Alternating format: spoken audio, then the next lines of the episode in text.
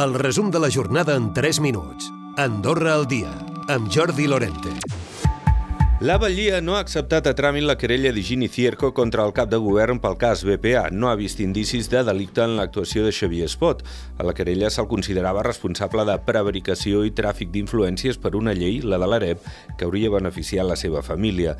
Espot ha dit que el propi auto de la magistrada és absolutament clar i taxatiu, en el sentit que les imputacions que se li formulaven estaven mancades de fonament i del mínim principi probatori. Espot, per cert, en un berenar amb la premsa, també ha parlat de l'habitatge, dient que és clarament el principal problema del país en aquest moment i que ha vingut per quedar-se. Sobre els comuns, ha dit que el model d'estat no acaba d'adequar-se i que això no ha de suposar eliminar cap administració, però sí intentar simplificar algunes mesures fiscals, revisar transferències als comuns o agrupar les agències tributàries en una única. El Ministeri de Salut ha registrat una nova defunció relacionada amb la Covid-19.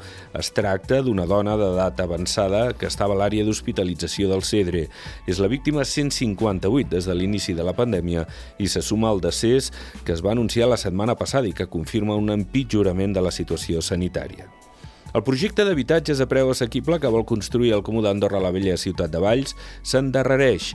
Abans d'iniciar la construcció s'ha d'urbanitzar l'espai i l'elevat cost dels vials que s'hi han de fer ha portat els promotors a estudiar com rebaixar despeses. Ho explicava la cònsul major d'Andorra la Vella, Conxita Marsol. La urbanització que s'havia de fer en aquella zona, que estava autoritzada, ara tenen, no, no està clar que es tiri endavant aquesta urbanització, això encareix molt el vial que facilitava la construcció d'aquesta parcel·la del comú i, per tant, estem una mica veient com evolucionarà la urbanització d'aquesta unitat d'actuació. Si no tenim el vial, eh, ens costarà. Era més imminent, ara s'ha retrasat una mica, ens han assegurat de que ho faran igual, però estem esperant aquesta modificació del pla parcial.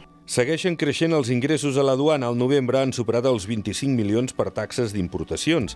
La recaptació pel tabac continua al capdavant amb més de 14 milions. Es tracta d'un 67% més que l'any passat. I augment dels salaris sí, però amb igualtat per a tots.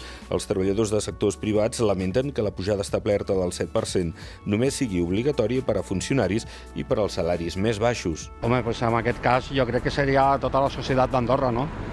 perquè, no sé, s'incrementa tot el, el preu i els salaris pues, en relació a nivell de vida d'Andorra eh, estan una mica baixos. Lo veo bastante ilógico porque lo, lo lógico sería que lo subieran por igual a todos promoure la carn autòctona entre els més joves, servint-la un cop al mes als menjadors escolars.